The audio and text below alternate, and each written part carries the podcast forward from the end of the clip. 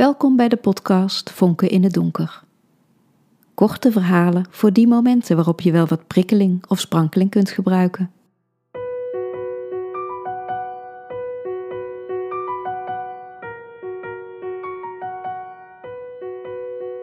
Gedetacheerd.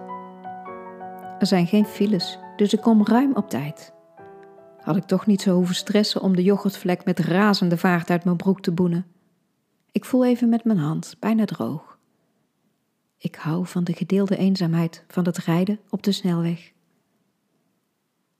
Het conferentieoord heeft een heuse oprijlaan.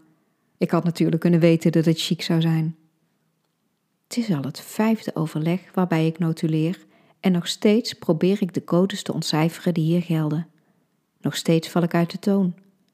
En nog steeds vraag ik me af waarom Arthur me hier heeft gedetacheerd. Ik snap niks van zulke grote bedrijven. Ik ben niet geordend en ik ben al helemaal niet zakelijk of daadkrachtig. Met notuleren ben ik zo bang om iets te missen dat ik alles probeer op te schrijven, maar omdat ik niet zo snel kan schrijven als er wordt gepraat, heb ik steeds halve zinnen op papier die ik later nauwelijks kan ontcijferen. En een verkrampte blauwe hand. Ik snap ook niet waarom Mark Jan me heeft aangenomen. Misschien komt het juist wel goed uit dat iemand die niet weet wat ze opschrijft de verslaglegging doet. Mark Jan staat op als ik de lobby binnenloop en geeft me een hand en drie zoenen. Hij tikt even op zijn hoofd en ik doe hetzelfde, omdat ik denk dat het bij de begroeting hoort. Nee, zegt hij vriendelijk, je hebt een plukje haar dat omhoog steekt. Als ik het naar beneden probeer te duwen, voel ik dat het weer omhoog springt, dus voor de spiegel op de wc maak ik het nat en probeer het zo goed en zo kwaad als het gaat te drogen met een zacht, heerlijk geurend gastendoekje. Ik ga alvast zitten in de zaal en noteer de namen die op de naamkaartje staan. Waarom hebben ze hier zoveel vergaderingen? Ik dacht dat ze in de zakenwereld meer van het doen waren. Mark-Jan laat me weer een geheimhoudingsverklaring tekenen, alsof ik iets van wat hier gezegd wordt naar buiten zou kunnen brengen. Daarvoor zou ik er toch tenminste een beetje van moeten snappen. Het overleg begint. Mark-Jan zit er fris ontspannen bij. Het is echt een sympathieke man. Hij stelt me voor aan de rest. Hij legt uit dat ik met pen en papier notuleer, omdat ik op de laptop het spoor kwijt zou raken. Bijster, zeg ik zacht binnensmonds. Ik kan de neiging om zijn spreekwoordversprekingen voor mezelf te verbeteren niet onderdrukken. Ook in dit overleg lijkt niemand het op te merken. Het is een intensief overleg, wat ik afleid uit de verhitte gezichten en dringende toon van een aantal deelnemers. Inhoudelijk snap ik er niks van en ik let erop om in ieder geval miljoen en miljard als woorden uit te schrijven om me niet te vergissen in het aantal nullen. Mark-Jan is een geboren leider, op een begripvolle manier bepalend. We moeten één streep trekken als we naar buiten treden, zegt hij rustig. Ik kijk rond en niemand geeft een krimp.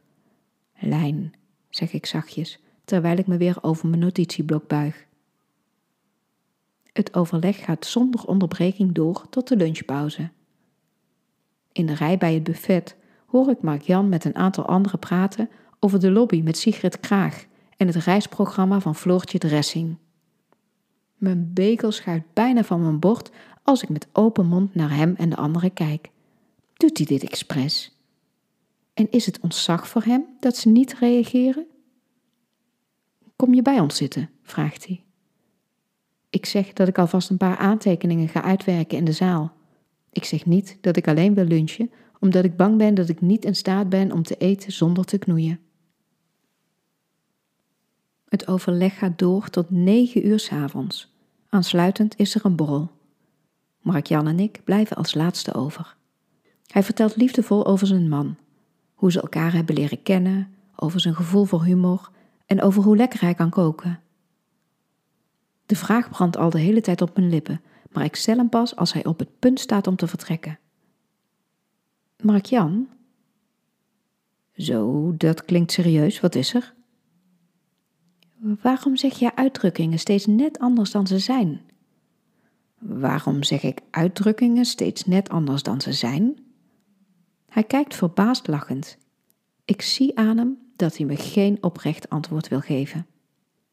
Mijn vraag herhalen is geen antwoord, zeg ik. Tja, als we toch persoonlijke vragen gaan stellen, vertel jij me dan eerst maar eens wat het was tussen jou en de beveiliger op kantoor. Shit. Er was toch niemand in het gebouw toen? Wat weet hij ervan? Hij kan het niet gezien hebben. Ik kan me ook niet voorstellen dat de beveiliger het hem verteld heeft. Nou, voor de boeger mee, zegt hij. Voor de draad, Mark Jan, voor de draad ermee. Hij glimlacht veelbetekenend. Ik vertel hem over het avontuur met de beveiliger. Het was zo intiem geweest en het was zonder aankondiging of aftiteling gebeurd. Ik had er zelfs nauwelijks meer aan teruggedacht. Het was op een avond geweest dat ik tot laat de notulen aan het uitwerken was. Hij had met een kuchje op de openstaande deur geklopt en gezegd dat hij het gebouw bijna ging afsluiten. Voor dat moment, en trouwens ook daarna, hadden we elkaar alleen maar beleefd begroet. Hij was me nooit echt opgevallen en riep geen bijzonder gevoel bij me op. Maar die avond, toen hij daar in de deuropening stond, gebeurde er iets. We keken elkaar aan. Zijn blik was liefdevol. Ik was opgestaan en naar hem toegelopen. Ik had zijn hand vastgepakt. Zijn andere hand had hij op mijn wang gelegd. De kus was als vanzelfsprekend gevolgd, heel teder. Alles wat volgde was teder geweest, zo zacht. Kleren die uitgingen, lichaamsdelen die werden gestreeld en gekust. En tijdens het vrije bleven we elkaar aankijken. Na afloop had ik met mijn hoofd op zijn borst gelegen en naar zijn hartslag geluisterd. Hij had zijn jasje met de V erop over me heen gelegd. Hij was zo zorgzaam geweest dat ik ervan moest huilen. Toen had hij zijn hand op de zijkant van mijn hoofd gelegd om met zijn duim de tranen traag weg te vegen. Zonder sussende geluidjes, zonder op mijn rug te kloppen, alleen maar die geduldige duim. Daarna had hij me geholpen me aan te kleden en ik was gegaan. We hadden geen woord tegen elkaar gezegd. De keren dat ik hem daarna weer tegenkwam, was de begroeting weer even neutraal als daarvoor. Mooi, zegt Mark-Jan dromerig. Hij legt zijn hand op zijn wang en strijkt met zijn duim onder zijn oog. Veegt hij nu echt een traan weg? Zijn ogen glanzen wel. Slettenbak, zegt hij ineens, als hij zich realiseert dat ik hem aanstaar. Nou zeg, is me niet al te gevatte reactie. Nee, zegt hij. Ik vind het alleen maar mooi dat je zo lekker vrij bent. Vrij en beveiligd. Ik weet niet waarom, maar ik heb het idee dat hij het nu over zichzelf heeft. Even kijken we allebei voor ons uit, in stilte samen. Dan geeft hij me een knuffel ten afscheid. Het laatste overleg van mijn detachering is gewoon op kantoor. Ik probeer weer op te schrijven wat er wordt gezegd. Mark-Jan vraagt aan Stefan om een grafiek toe te lichten, omdat hij er zelf geen draad aan vast kan knopen. Touw, hoest ik.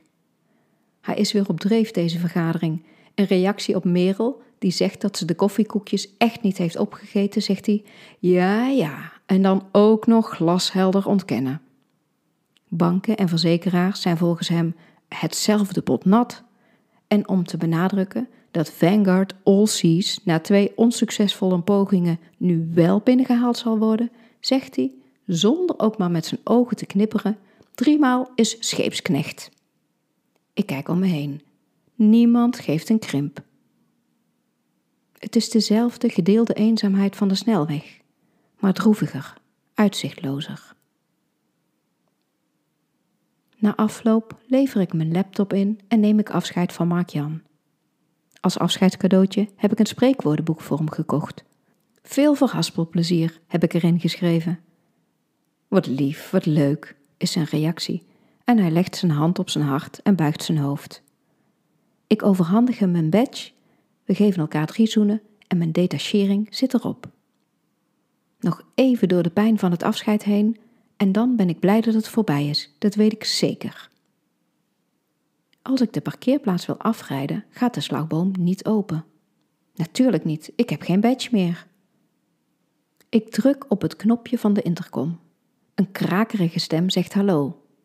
Is dit de beveiliger? Ik heb hem net bij het naar buiten gaan niet gezien. Ik realiseer me dat ik zijn stem ook zonder het gekraak niet zou herkennen.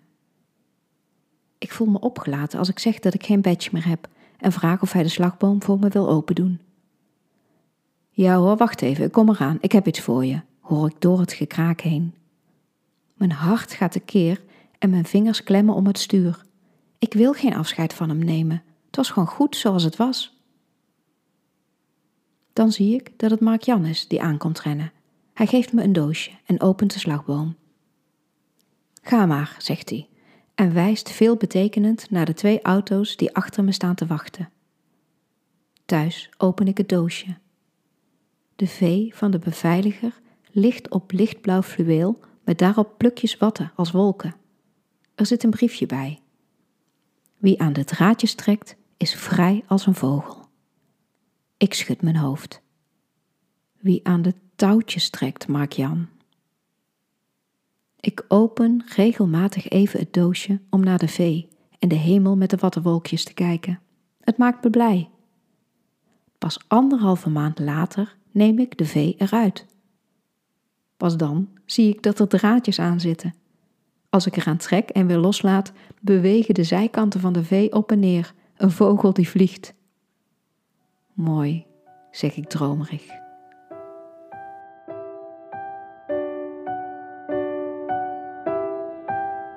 Bedankt voor het luisteren naar het verhaal Gedetacheerd. Dit was de allerlaatste aflevering in seizoen 2 van de podcast Vonken in het Donker. Er gaat nog een derde seizoen komen. Tot dan!